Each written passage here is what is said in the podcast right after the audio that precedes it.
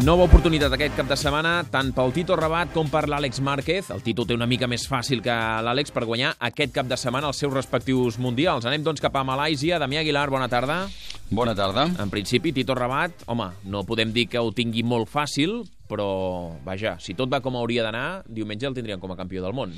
Sí, aviam, sempre has de tenir aquella cautela que la veritat és que li vals fer un setè, que no seria no sé, és que el pitjor que ha fet aquesta temporada és un vuitè una vegada, després ha fet dos quarts i tota la resta són podis, per tant hem de pensar que ho farà bé, i fins i tot i fins i tot eh, podries dir home, el Tito amb aigua doncs no, ell ho té molt clar, diu que fins i tot amb aigua ha millorat i que com ens deia aquesta tarda, pit i collons. En principi no, en principi tot bé, també últimament amb, amb pluja doncs vaig bastant bé també, preferiria una carrera amb sec, però si és amb aigua, doncs que sigui amb aigua no, no m'altera massa com abans, o sigui que cap endavant, ja que comenci ja, que portem masses dies sense, sense pujar la moto ja.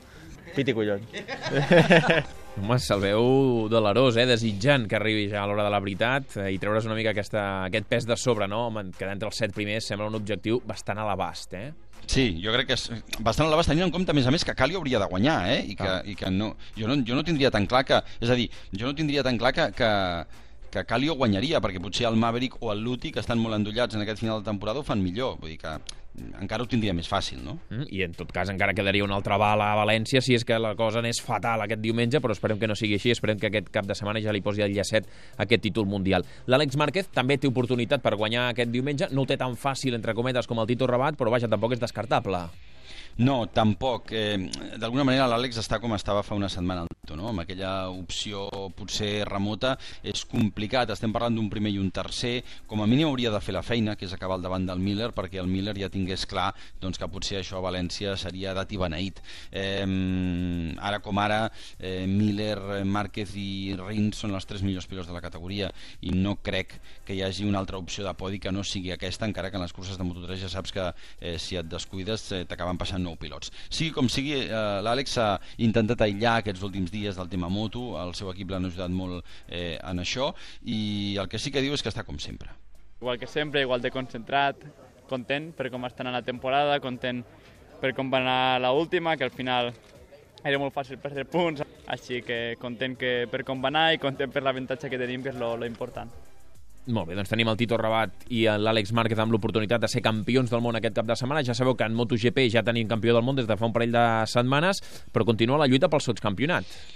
Sí, i, i aviam, és eh, Valentino Lorenzo Pedrosa. Pedrosa, després del 0 de l'altre dia, està molt més endarrerit, però ningú parla de Pedrosa. Sempre es parla, o, en general parlem més de, de Valentino i de Lorenzo, i sembla que entre els dos pilots Yamaha hi ha una certa gresca personal, en el bon sentit, per aviam eh, qui acaba subcampió. Molt bé, però atenció, perquè divendres explicàvem que Dani Pedrosa tenia una part del cervell, entre cometes, a la pista, la majoria, però tenia un petit eh, mal de cap, i és que s'havia quedat sense cap de mecànics, i n'havia de buscar un altre. I el Damià Aguilar feia aquest vaticini. No descarta que sigui algú del seu equip, i jo apostaria, no et diria el nom, però mm. per un dels tècnics catalans del seu equip. Vaja, te'l faré escriure en un paper, el dobleguem, i quan se sàpigui el nom obrim el Va, paper per sí, veure si l'encerta. Fem-ho, fem-ho. Fem així o què?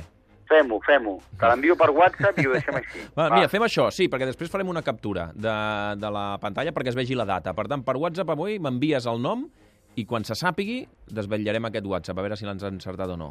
Doncs això és el que passava divendres passat al programa. I avui ja tenim la captura perquè la vas encertar.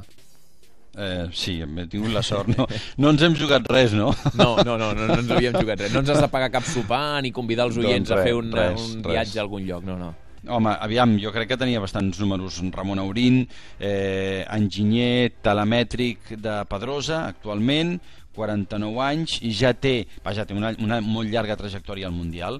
Eh, és un d'aquests tècnics catalans de, com, com et diria jo, de, de la base, no? d'aquests que, que han crescut amb els anys i que han acabat ocupant, jo diria, llocs de, de molta importància dins de, de l'establishment de, de, de MotoGP, en aquest cas doncs, el Repsol Honda, que a més a més el 2010 ja va ser cap de mecànics, eh, diem, nosaltres diem cap de mecànics entre tu i jo i perquè els nostres oients ho acabin d'entendre, eh, d'Andrea Dovizioso, el 2010, però la terminologia oficial és enginyer de pista, que és una terminologia que ha portat Ducati en aquí, que ve una mica també derivada de la Fórmula 1. Aquí tota la vida s'ha dit cap de mecànics i ara doncs en comencen a dir enginyers de pista, a l'anglès eh, eh, eh, acabaria sent una mena de cap d'equip Mm. però és que al final eh, s'acaben creant tants llocs intermedis que eh, sí, no? Que et fas una miqueta un De crear molts despatxos, mol, molts despatxos, Sí, però vaja. sí, una miqueta sí. El que sí que m'ha sorprès a mi personalment és que Pedrosa ho hagi decidit en una setmana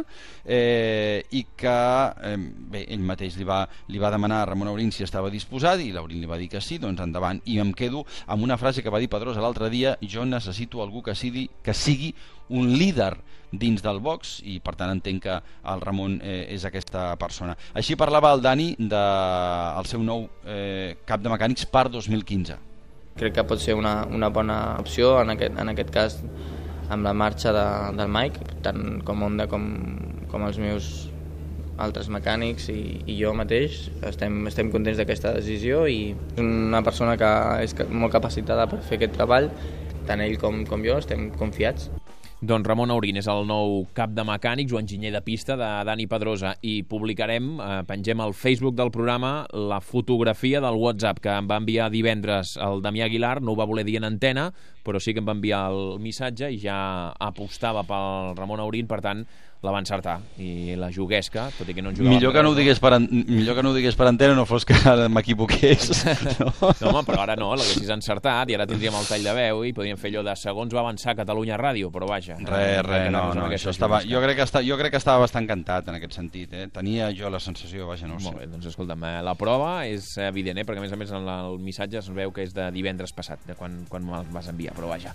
Damià, gràcies, bona tarda. Adeu. Bye.